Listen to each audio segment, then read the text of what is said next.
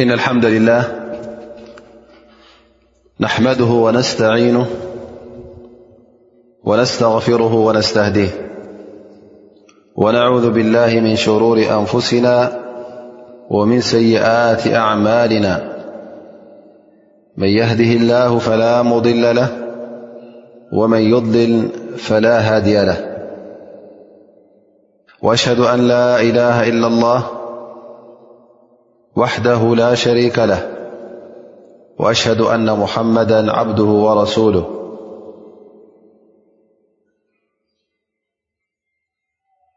وصفيه من خلقه وخليله فصلاة ربي وتسليماته عليه وعلى آله وصحبه ومن استنى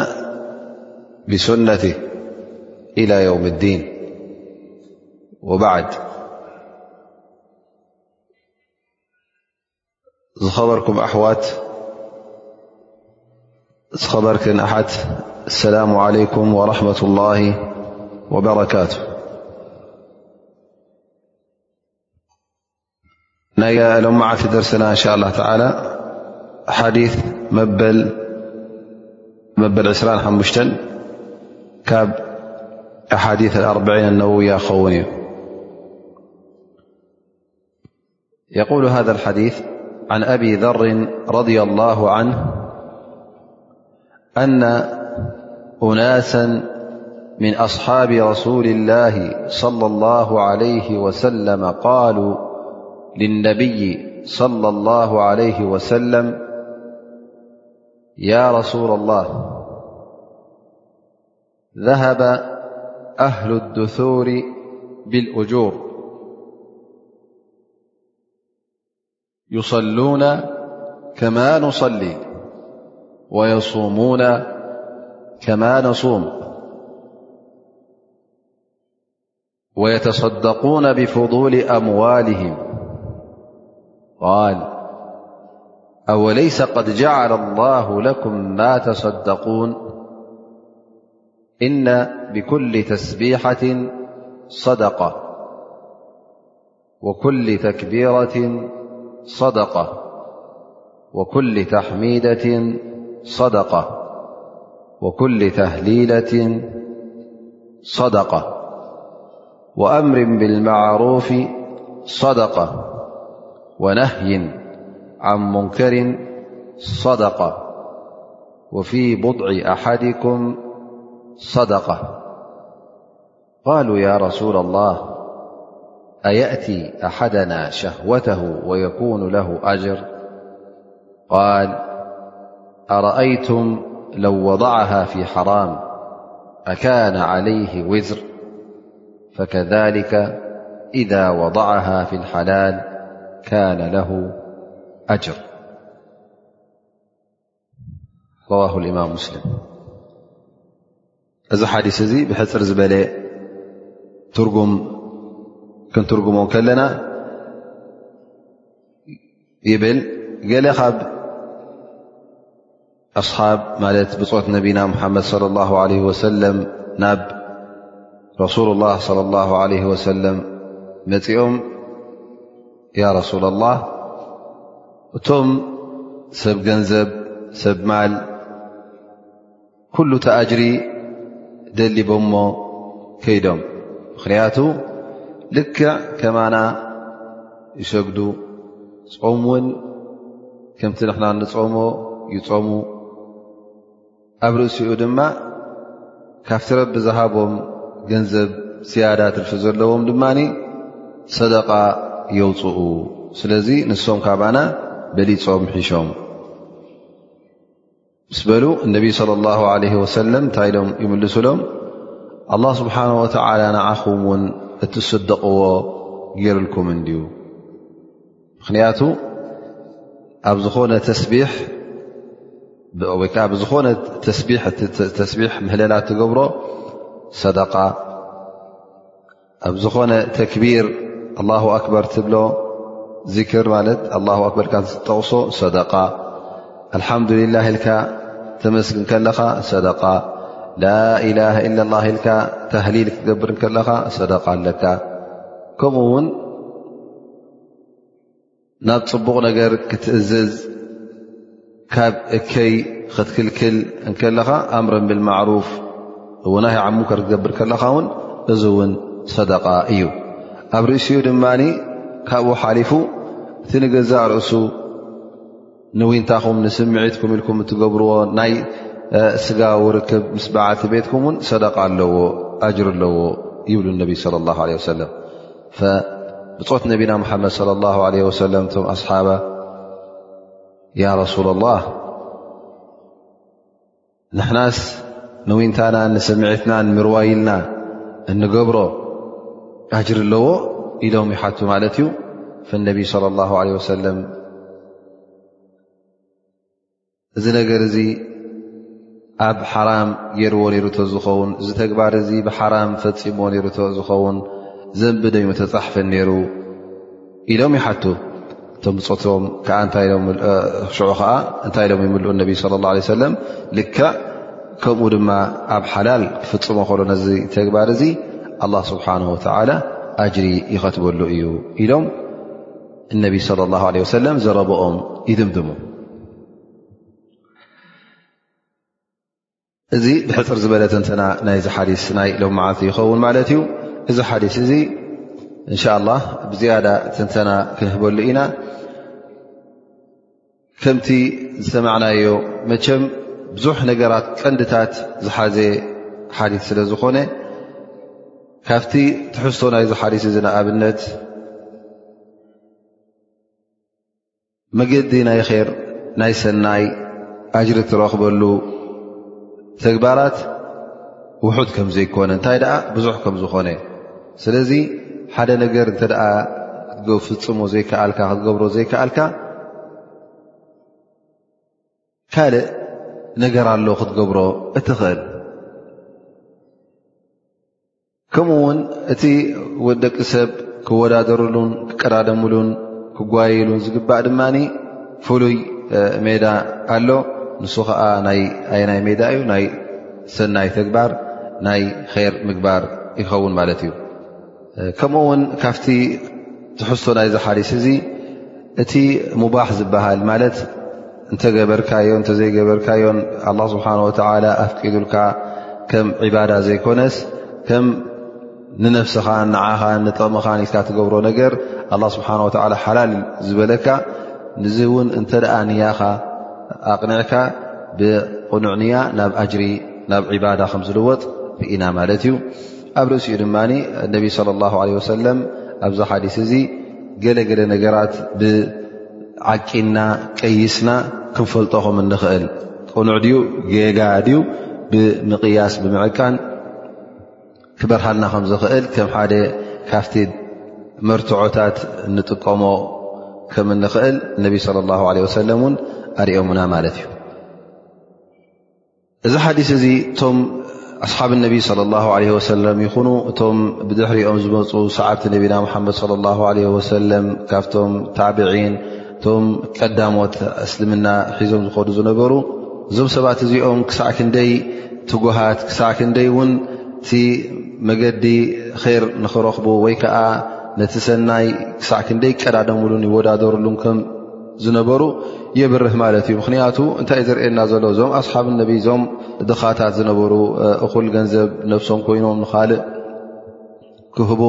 ናብ ናይ ገንዘብ ዒባዳታት ዘድልዮ ናብኡ ክሰግሩ ዘይክእሉ ንኣብነት ሰደቓ ሊላሂ ኢሎም ክውፅኡ ዘይክእሉ ብገንዘቦም ኣብ ጅሃድ ክካፈሉ ዘይክእሉ ንሓጂ ኢሎም ጉዕዞ ክገብሩ ካብ መዲና ኮይኑ ካብ እቲ ዘለዎ ቦታ ንዕምራ ኮይኑ ገንዘብ ስለ ዘድልዮ ዝውጠሕዎ ዝሰርዎ መጓዓዝያ ዘይነበሮም እዞም ሰባት እዚኦም እዚ ዝነበሮም ድኽነት ኣሸጊርዎም እሞ ኸዓ እቶም ኣሕዋቶም እቶም ኣላ ስብሓን ወተዓላ ሽሻይን ርዝቅን ዘስፍሓሎም ኣብዚ መዳይ ዚ ክካፈሉ ምስ ረኣይዎም ናብ ነቢና ሙሓመድ ለ ላ ለ ወሰለም ቀሪቦም ክጠርዑ ንረኽቦም ማለት እዩ ፍጥርዓኖም እንታይ እዩ ምእንቲ ነቶም ቀዲሞሞም ዘለዉ ኣሕዋቶም ንምርካብ ካብኦም ንኸይሰንፉ ድሕሪት ንኸይተርፉ ምኽንያቱ እዚ ሜዳ እዚ እዚ መዳይ እዚ ናይ ውድድር ስለ ዝኾነ ኣብዚ ጉዳይ እዚ እውን ወዲ ሰብ ክቀዳደምን ክሰንፍን ከምዘይብሉ እዩ ዘርእየና ዘሎ ማለት እዩ ከማ ቃል ስብሓን ወተላ ወፊ ሊከ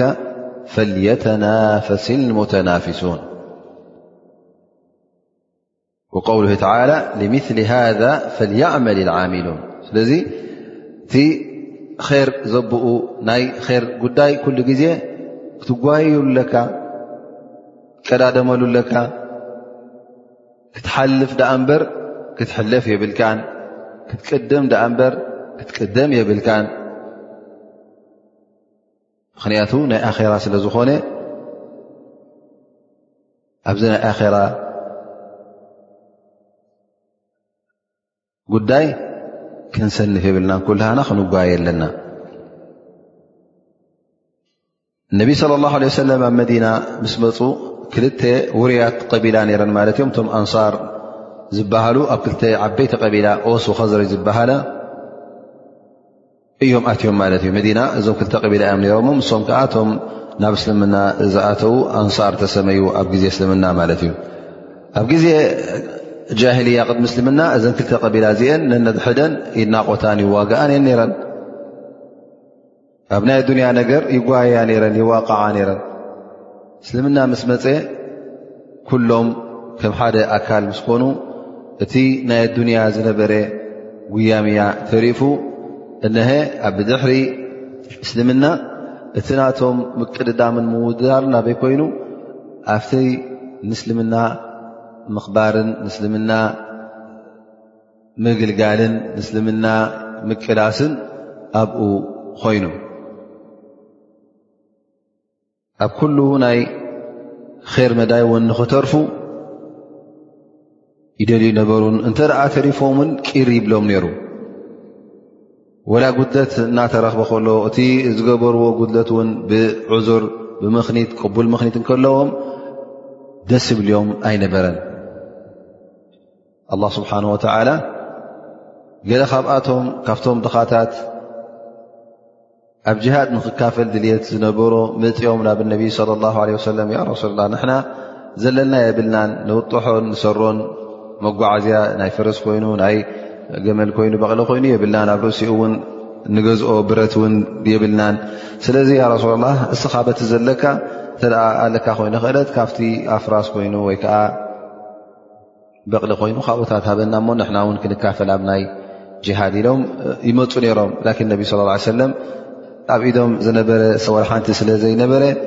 ነቢ ስለ ላሁ ለ ወሰለም ምስ መለስዎም እዞም ሰባት እዚኦም ብጣዕሚ ጉህዮም ኣዒንቶም እናደበዑ ኣይ ኣይ ኢሎም እናበኸዩ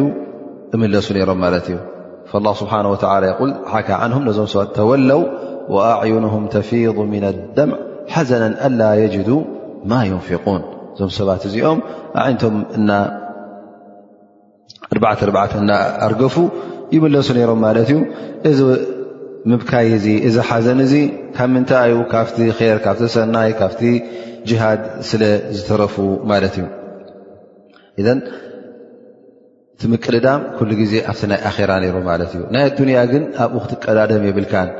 እዚ ናይ ኣዱንያ ነገር ምእንቲ ሃብቲ ገንዘብ ምድላብ ወይ ከዓ ካልእ ዓይነት ናይ ኣዱንያ ብልጫ ንምርካብ እዚ ነገር እዚ ክትጓየሉ ግን ኣብ እስልምና ፍቱው ኣይኮነን እንታይ ደኣ ፅሉእ ይኸውን ማለት እዩ ምክንያቱ ኣዱንያ ኩሉ ግዜ ንወዲ ሰብ ትዐሽዎ ድኣ እንበር ንራ ኣይኮነትን ራ ኣይትሕዘሉን እያ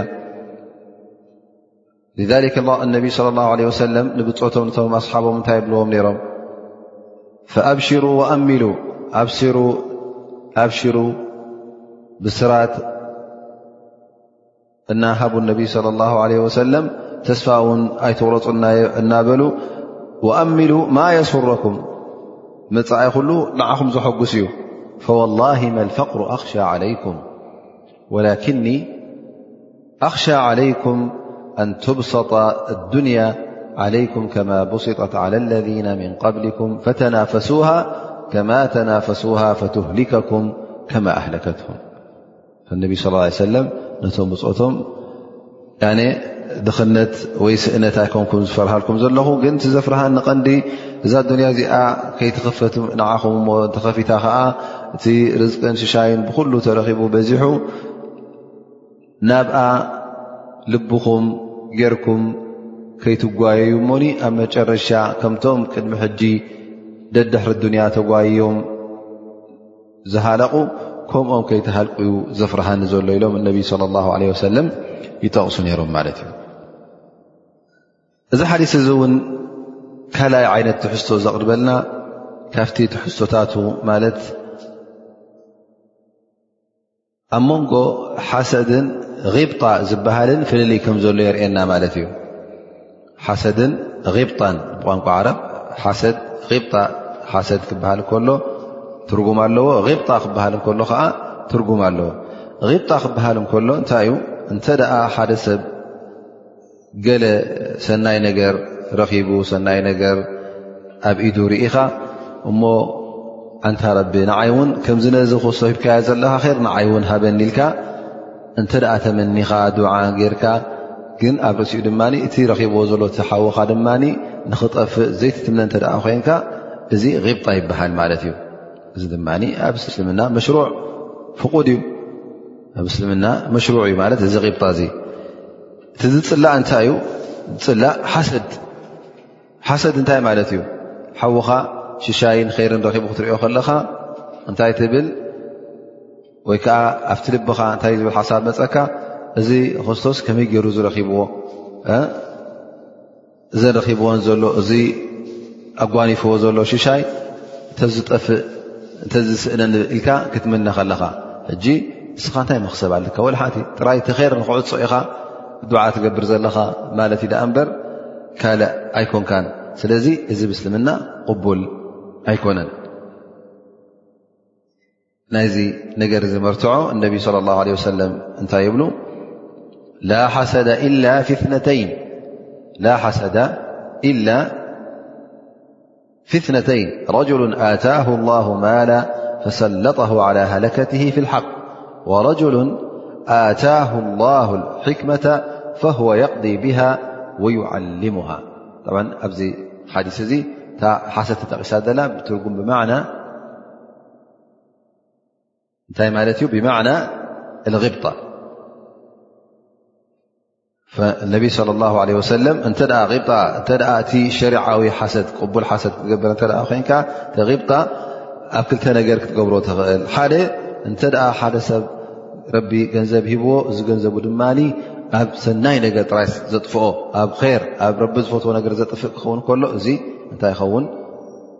ቅቡል ይኸውን ማለት እዩ ወይ እውን ሓደ ሰብ ኣላ ስብሓን ወተላ ዕልሚ ሂብዎ እሱ ከዓ በዚ ዕልሚ እዚ በዚ ፍልጠት እዚ በዚ ሕክማ እዚ ር ክገብር ክትሪኦ ከለኻ ሰናይ ክገብር ር ክገብር ናብ ሰብ ከብፅሕ ንሰብ ከምህር በቲ ዝፈለጦን በቲ ተምሃሮን ውሳነ ክህብን ክፈርድን ክትሪኦ ከለኻ ከምኡ ንክትከውን ድማ ክትምነ ከለካ ክትደሊ ከለኻ እዚ እውን ኣብ ሸርዒ እስልምና ቅቡል ይኸውን ማለት እዩ ፈዞም ኣስሓብ ነቢ صለ ላه ለ ወሰለም ነዚ ነገር እዚ ኣብ ግብሪ ውዒሎሞ ማለት እዩ እቲ ቕጣ ናቶም ተረኺቡ ተረእዩ ማለት እዩ እቶም ኣሕዋቶም ሃፍታማት ዝያዳ ኣጀ ክረኽቡ ምስ ረኣይዎም ከምኦም ክኾኑ ደልዮም ንዕኦም ንኸርክቡ ንሶም ክበልፅዎም ስለ ዘይደለዩ ናብ ነቢ ለ ላ ለ ወሰለም መፅኦም ጥርዓኖም ኣቕሪቦም ማለት እዩ ምእንቲ እቶም ኣሕዋቶም ካብኦም ንኸይበልፁ ንሶም ከምኦም ንክኾኑ እቲኦም ረኺቦም ኣለዉ ረቢ ንሕና ውን ያ ረሱላ ላ ንሕና ውን ሶም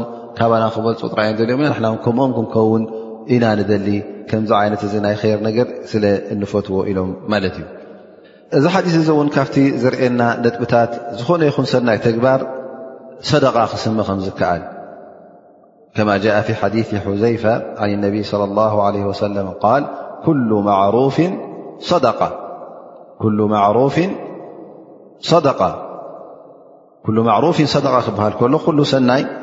ተግባር ሰደቃ እዩ ዝቁፀር ሰናይ ነገር ክትገብር ከለኻ ፅቡቕ ነገር ክትገብር ከለኻ ናብ ኣሕዋትካ ዝበፅሕ እተ ኮይኑ እቲ ዒባዳ እተ ኮይኑ ናብ ኣላ ስብሓን ወተላ ንዓኻ ንበይንኻ ዝጠቅም ይኹን ወይ እውን ናብ ካልኦት ዝሰግር እተ ኮይኑ እዚ ኩሉ ሰደቃ እዩ ዝቁፀር ማለት እዩ ሰበብ ተስምት ሃ ሰደቃ ስለምንታይ ሰደቃ ተሰሚያ ይብሉ ገለ ዑለማ ይብሉ ምናልባሽ ሰደቃ ዝስመየሉ ዝሰናይ ተግባራት ኩሉ ክልክዕ ከምቲ ሰደቃ ኣጅሪ ትረኽበሉ ኣጅሪ ስለ ዘለዎ እቲ ኣጅሪ ናይ ክልትኡ ልክዕ ከምቲ ኣብ ሰደቃ ትረኽቦ ኣጅሪ ስለ ዝኾነ ኢሎም ጠቒሶም ማለት እዩ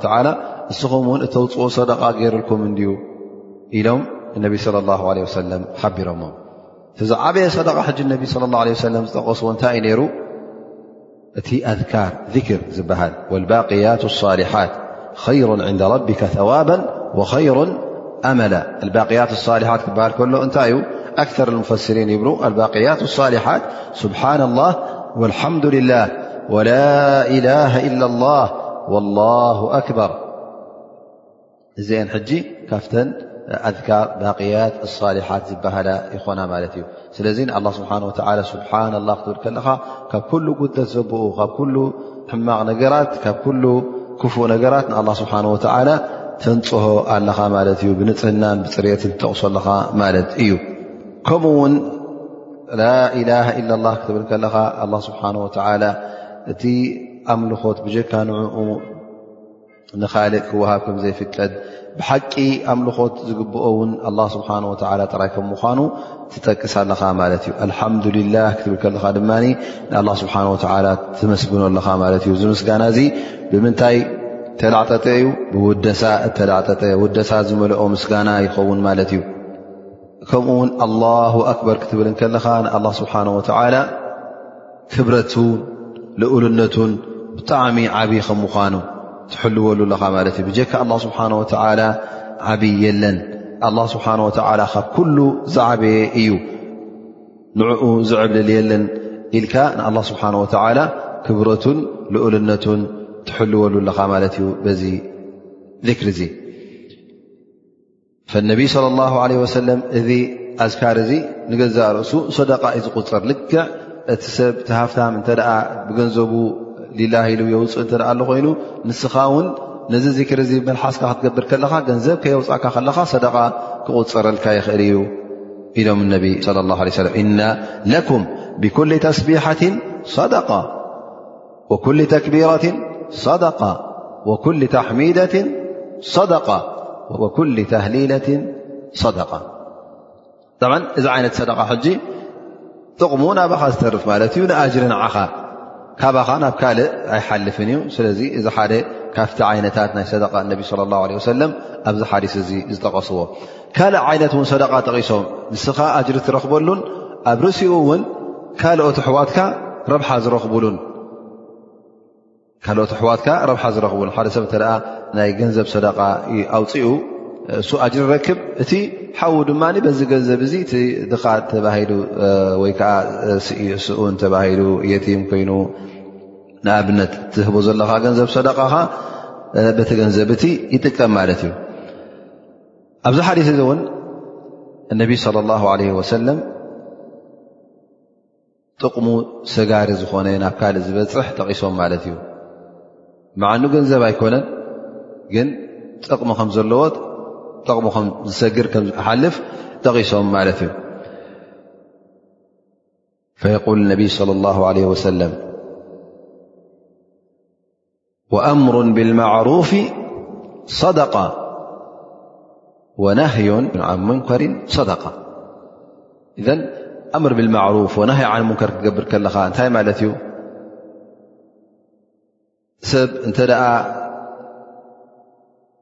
ገለ ካብቲ ጣዓ ናይ ሊላ ናይ ኣላ ስብሓን ወተዓላ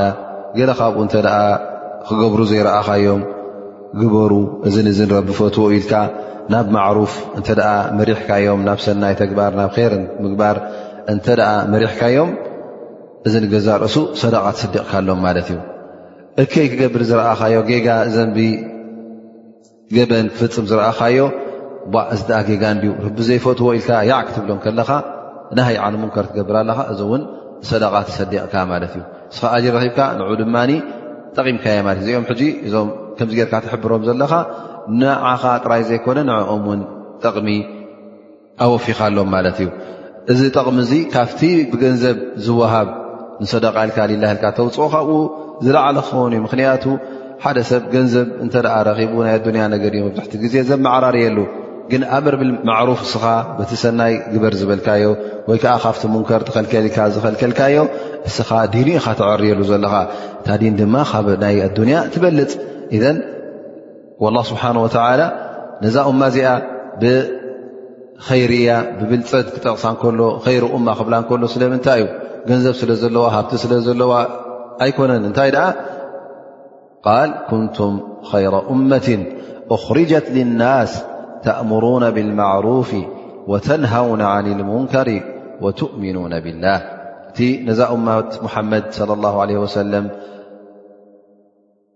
ኸይርያ ናታ ወይ ከዓ ብልፀት ናታ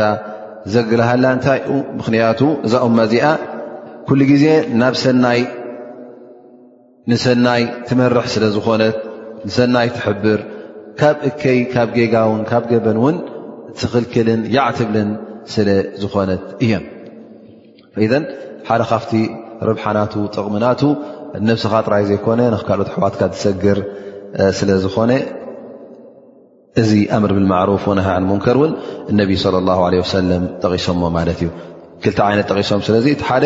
ረብሕኡ ጥራይ ጠቕሙ ንዓኻ ከም ዝክር ስብሓን ላ ወልሓምዱላ ኢልካ እትደግሞ ትደጋግሞ እቲ ጠቕሙ ሰጋር ዝኾነ ከዓ ኣምር ብልማዕሩፍ ወነሃ ን ሙንከር ጠቒሶም ማለት እዩ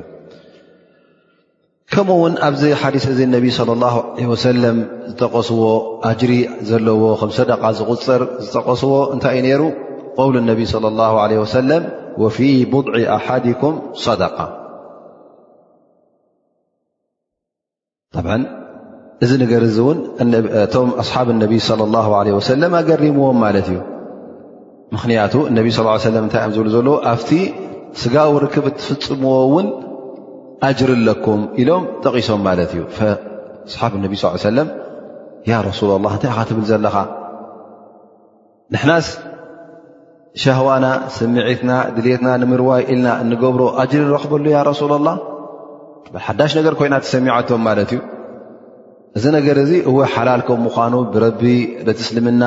ፍቑት ከም ምዃኑ ይርድኡ ነይሮም ምኽንያቱ ክትምርዖ ክትወልድ ስጋዊ ርክብ ምስታ በዓልቲ ቤትካ ብሸርዒ ዘእተኻያ ክትፍፅም ከለኻ ሓላል ከም ምዃኑ ይርድኡ እዮም ግን ኣብ ርእሲኡ ኣጅሪ ይረኽቡ እዚ ተግባር እዚ ዝገበርዎ ኣጅሪ ኣለዎ ክበሃሉ ከለዉ እዚ ነገር እዚ ሕጂ ከም ሓድሽ ነገር ስለ ዝኾነ ኣገሪምዎም ማለት እዩ ያ ረሱላ ላህ ኣያእቲ ኣሓዱና ሸህወተሁ ወየኩኑ ለሁ ፊሃ ኣጅር ነቢ صለ ላه ለ ወሰለም እወ ኢሎም ኣይጨረስዎን እንታይ ደኣ ብዝያዳ ንኽበርሃሎም እቲ ነገር ስለ ዘገረሞም እውን ምእንቲ ክቕብልዎ ኣእምሮዊ መርትዖ ገይሮም ኣቕሪቦምሎም ማለት እዩ እሱ ከዓ ቅያስ ይበሃል ፈንታይ ኢሎም ነቢ صለ ه ሰለ ኣረኣይቱም ለው ወضዓሃ ፊ ሓራም ኣካነ ዓለይህ ውዝር እዚ ሰብ እዚ እንተ ደኣ እቲ ስጋዊ ርክብ ኣብ ዘይፍቀዶ ኣብ ሓራም እንተ ደኣ ጌይርዎ ነይሩ ኮይኑ ዘንቢ ዶይምተኸተበሉ ነይሩ ዘንቢ ዶይምኾነን ልክዕ እዚ ሰብ እዚ እውን እታ ስጋዊ ርክብ ኣብ ሓላል ስለ ዝፈፀመ ኣላ ስብሓን ወተዓላ እውን ኣጅሪ ይኸትበሉ እዩ ኢሎም ነቢ ለ ላ ለ ወሰለም ዑለማ ብዛዕባ እዛ ነጥቢ እዚኣ ጠቒሶም እንታይ ኢሎም ሃል እዚ ሰብ እዚ ምስ በዓልቲ ቤቱ ስጋዊ ርክብ ፆታዊ ርክብ ክፍፅም እንከሎ ዝኾነ ይኹን ንያ ይሃልዎ ኣይሃልዎ ኣጅሪ ኣለዎ ዶ የብሉን ገለ ዕለማ እብሉ ንያ ሸርጢ ኣይኮነን ምኽንያቱ ኣብዚ ሓዲስ እዚ ኣይተጠቐሰን ስለዚ እንተ ደኣ ሰብ እዚ ምስ በዓልቲ ቤቱ ስጋዊ ርክብ ፈፂሙ ኣጅር ኣለዎ ይብሉ ማለት እዩ ካልኦት ግን እዚ እውን እዚ ርእቶ እዚ ቅኑዕ ኣይኮነን እቶም ካልኣይ ርእቶ ዩ ቅኑዕ ይኸውን ማለት እዩ ንሱ ከዓ እንተ ደኣ እዚ ሰብ እዚ ነዚ ነገር እዚ ክፈፅም ከሎ ንያ ናቱ ንፁህ ንያ እንተ ደኣ ኮይኑ ሊላ ዘ ወጀል ምስቲ ሸርዒ እስልምና ዝቃዶ እንተ ደኣ ኮይኑ ሽዑ ዩ ኣጅሪ ዝረኽበሉ ስለዚ እዚ ሰብ እዚ እቲ ምስ በዓልቲ ቤቱ ዝገብሮ ርክብ ምእንቲ ንነፍሱን ነታ በዓልቲ ቤቱን ካብ ናብ ጌጋ ምውዳቕ ካብ ዝምውናን ካብ ከምኡ ዝኣመሰለ ካብ ናብኡ ዘውድቕ ነገራት ንምርሓቕ ማለት ዕፋፉ ነፍሲ ወዕፋፉ ዘውጀት ከምኡ ውን መሰል ናታ ንኽሕልወላ ምእንቲ እዛ ሰበይቲ እዚኣ እዛ ሰበይቱ ንኡ ሰበይቱ ስለ ዝኾነት ካብ ካልእ ውን ወይ ምስ ካልእ ወተባዕታይ ውን ነዚ ነገር እዚ ክትፍፅሙ ሓራም ስለ ዝኾነ ነዛ በዓልቲ ቤቱ ትመሰል ናታ ንኽሕልወላ ኢሉ እንተ ቀሪብዋ ኣብ ርእሲኡ እውን እዚ ፆታዊ ርክብ ክፍፅሞ ከሎ ምእንቲ ኣላ ስብሓን ወተዓላ ሳልሕ ዝኾነ ቅኑዕ ዝኾነ ውላድ ንኽቦ ኢሉ እንተ ከምዝኣመሰለ ንያታት ፍቱ ንያ ፍቱ ሓሳብ እንተ ኣለዎ ኮይኑ እዩ ኣጅሪ ዝረክብ ይብሉ ስለምንታይ ኣነ ነቢይ ለ ላ ለ ሰለም የል ኢነካ ለንትንፍቀ ነፈቀተን ተብተغ ብሃ ወጅሃ ላ ኢላ ጅርተ ዓለይሃ ሓታ ማ ተጅዓሉ ፊ ፍይ እምረኣት ስለ ዝበሉ ማለት ነቢ ስ ሰለ ይብሉ ንስኻ ዝኾነ ይኹም ገንዘብ እተውፅኦ ሊላ ኢልካ ምእንቲ ኣላ ስብሓን ወተላ ብንፅህና ናብ ኣላ ኢልካ ሪብካ እንተ ጌርካዮ እዩ ድዑ ኣጅሪ ትረኽበሉ ሓታ ማ ተጅዓሉ ፊ ፍይ እምርኣትክ ወላ እቲ ኣብ ኣፍ ሰበይትኻ ተቕርቦ ተኸሉሳ ኩላሶ እውን እንተ ደኣ ሊላ ኢልካ ንያኻ ፅሪኻ ርካ ኮይንካ ኢኻ ኣጅሪ ትረኽበሉ ኢሎም እነቢ ለ ላ ለ ሰለም እዚ ሓዲስ እዚ እንታይ ትምህርቲ ሂቡና ማለት እዩ እቲ ሙባሕ ዝበሃል እቲ ፍቑር እዩ ዝበሃል ሓላል እዩ ዝበሃል እንተ ደኣ ንያኻ ኣንፅህካ ጌርካዮ ናብ ዕባዳ ናብ ጣዓ ክግልበጥ ከም ዝኽእል ኣጅሪ ክትረኽበሉ ከም ትኽእል ማለት ክድቅስ ከለኻ ንኣብነት ድቃስ ንገዛ ርእሱ ሓደ ሰብ ክድቅስ ከሎ መብዝሕትኡ ግዜ ክዕርፍ ኣካላቱ ስለ ዝደኸመ ነፍሱ ንክዕርፍ እዩ ዝድቅስ ክበልዕ እንተ ኮይኑ እውን ንምንታይ እዩ ዝበልዕ ምእንቲ ከይመውታ ነብሱ ብር ክትነብር ከምዚ ዝኣመሰለ ኣላ ስብሓን ወላ ዘፍቀደልና ማይ ክትሰቲ ዓሲር ንክትሰቲ ወይ ከዓ ዝኾነ ይኹን ዓይነት ብልዕን ኣ ስብሓ ላ ዘፍቀደልካ ስጋ ኮይኑ ካልእ ዓይነት ኮይኑ ክትበልዕ ከለካ ዚ ንገዛ ርእሱ ሓላል እዩ ሙባሕ እዩ ግን እንተ ደኣ ንያኻ ኣፅሪኻ እንተ ሓደ ሰብ ክድቅስ እንከሎ እሞ ከ ኣነ ብእዋኑ ዝድቅስ ዘለኹ ሕጂ ምእንቲ ለይቲ ተሲአ ሰላት ሌል ክሰግድ እየ ኢሉ እንተ ብንያ ክድቅስ እንከሎ እዚ ሰብ እዚ እታ ዝድቅሳ ዘሎ ድቃስ ሕጂ ከም ዕባዳ ተቁፀረሉ ማለት እዩ ኣጅሪ ክተበሉ ምክንያቱ ታንያናቱ እንታይ ነይራ እዛ ድቃስ እዚኣ ብእዋኑ ዝድቅሳ ዘሎ ምእንቲ ዳሕራይ ቀልጢፉ ተሲኡ ሰላት ሌል ንክሰግድ ወይ እውን ሰላት ሌል ዘይኮ ዋላ ውን ፈርዲ ኣሱብሒ ንገዛእ ርእሱ ንዑኡ ኢልካ ብእዋኑ ክድቅስ ከለኻ ንሳ ሰላት ፈጅር ከይሓልፈልካ ኢልካ ብእዋኑ ነብስኻ እኹል ዕረፍቲ ንክረክብ ኢልካ እንተ ዝንያ ዚ ጌርካ ኣጅር ኣለካ ማለት እዩ ምክንያቱ ታንያ ንገዛእ ርእሳ ነዛ ዕረፍቲ እዚኣ ነዛ ንነብስኻ ኢልካ ትገብራ ተግባር እዚኣ ናብ ዕባዳ ለዊጣታ ማለት እዩ ከምኡ ውን እቲ ካልእ ተግባራትካ ዋላ ትበልዖን ትሰትዮን እንተ ምእንቲ ጥዕና ረኺብካ ንኣላ ስብሓን ወተላ ከምጉቡእ ከተምሉ ኮኢልካ ንያ እተ ገርካ እዚ ብልዕን ዝመስተን ዝበልዖ ዘለኹስ እቲ ኣላ ስብሓን ወላ ዝኣዘዘኒ ትእዛዛት ብደንቢ ንኸቁሞ ኢለ ኢልካ እንተ ፈፂምካ እዚ እንሻ ላ እቲ ብልዕን መስተን ንገዛርታት ትበልዖን ዘለኻን እቲ ትኽልሶ ዘለኻን ኣጅሪ ይኾነካ ማለት እዩ ዕለማ ጠብዓ ከምቲ ዝበልናዮ ካብዚ ሓዲስ እዚ ዝረኸብዎ ፋይዳ ወይ ከዓ ዝወሰድዎ ጥቕሚ እንተ ርእና ይብሉ እዚ ሓዲስ እዚ ቅያስ ምግባር ምዕቃን ገለገለ ነገራት ኣብቲ ሽርዒ እስልምናና ብስሙ ዘይተጠቕሰ ነገር ውሳነ ዘይተዋህቦ ነገር እንተ ኣሎ ኮይኑ ምስቲ ውሳነ ተገብሮ ተዋህቦ ነገራት ምስኡ ቀይስካ ምስኡ ዓቂንካ እንተ ልክዕ ከምኡ ኮይኑስ ናቱ ውሳነ ክትህብ ከም ትኽእል እዩ እዚ ሓዲስ እዚ ኣስተምህሩና ይብሉ ማለት እዩ ምክንያቱ እነቢይ ለ ላ ለ ወሰለም ነቶም ብፆቶም እንታይ እዮም ኢሎሞም ብዛዕባ እቲ ናይ ፆታዊ ርክብ ኣጅሪ ከም ዘለዎ ምስ ሓበርዎም ያ ረሱላ ላ ከመይ ገይሩ ድኣ እዚ ነገር እዚ ስንእደይ ንሕና ንስምዒትና ንምርዋይና ንገብሮ ሞ ከመይ ገይሩ ኢሎም ምስ ሓተቱ ነቢ ስለ ላ ለ ወሰለም ነዚ ምስ ምንታይ ዓቂኖዎ ምስ ምንታይ ቀይስዎ ማለት እዩ ምስቲ እዚ ነገር እዚ እንተ ኣብ ሓራም ጌርካዮ ዘንብለካ ዶ ልክዕ ኢሎም ቅያስናቱ ወይ ከዓ ዕቅናቱ ነዚ ነገር እዚ ድማ ብኣንፃሩ ኣብ ሓላል ክትገብሩ ከለኻ ኣጅሪ ኣለካ ይብሉ ማለት እዩ ኣብ መጨረሻ እንሻ ላ ሕፅር ሕፅር ዝበላ ፋይዳ ክንጠቅስ ንደሊ ካብቲ ፋይዳ ንረኽቦ ኣብዚ ሓዲስ እዚ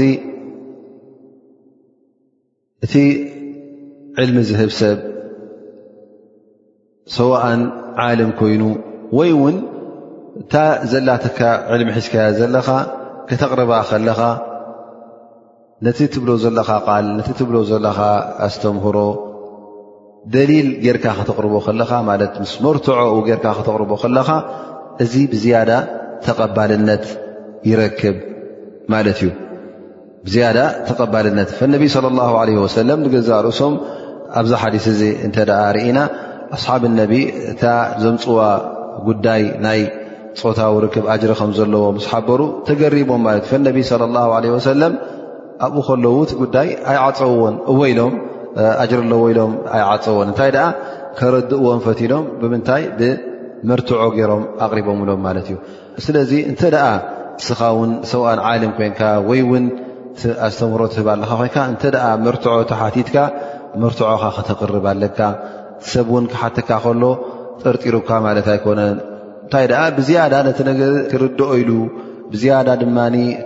ነቲ ጉዳይ ክዓግበሉ እዩ ዝሓት ዘሎ ስለዚ ኩሉ ግዜ ዝኾነ ይኹን ደርሲ ክትህብ ከለኻ ወይከዓ ዕልሚ ዳዕዋ ክትገብር ከለኻ ምስ መርትዖ ክተቕርቡ ከለኻ ነቲ ዝሰምዕ ዘሎ ኣዕጋቢ ኮይኑ ይርከብ ኣብዚ ሓዲስ እዚ እውን ካልኣይ ነጥቢ እንወስዶ እንታይ እዩ ዘርእየና ዘሎ ወዲ ሰብ ምስ በዓልቲ ቤቱ ወተባዕታይ ብዝያዳ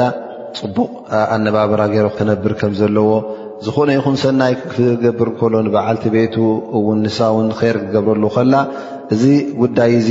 ከም ዒባዳ ገይሩ ክርኦ ከም ዘለዎ ሰናይ ዝገብሮ ዘሎ ኣጅሪ ከም ዘለዎ ናብ ኣላ ስብሓን ወተዓላ ከም ዘቕርቦ ክርእዮ ይግባእ ምክንያቱ ሑስነ ልዕሽራ ኣብ ዕሽረት ዘውጅያ እዚ ንገዛ ርእሱ ካብቲ ኣላ ስብሓን ወተዓላ ዝፈትዎን ካብቲ ኣላ ስብሓን ወተዓላ ኣጅሪ ዝኸትበሉን እዩ ካብቲ ፋይዳ ንወስዶ እውን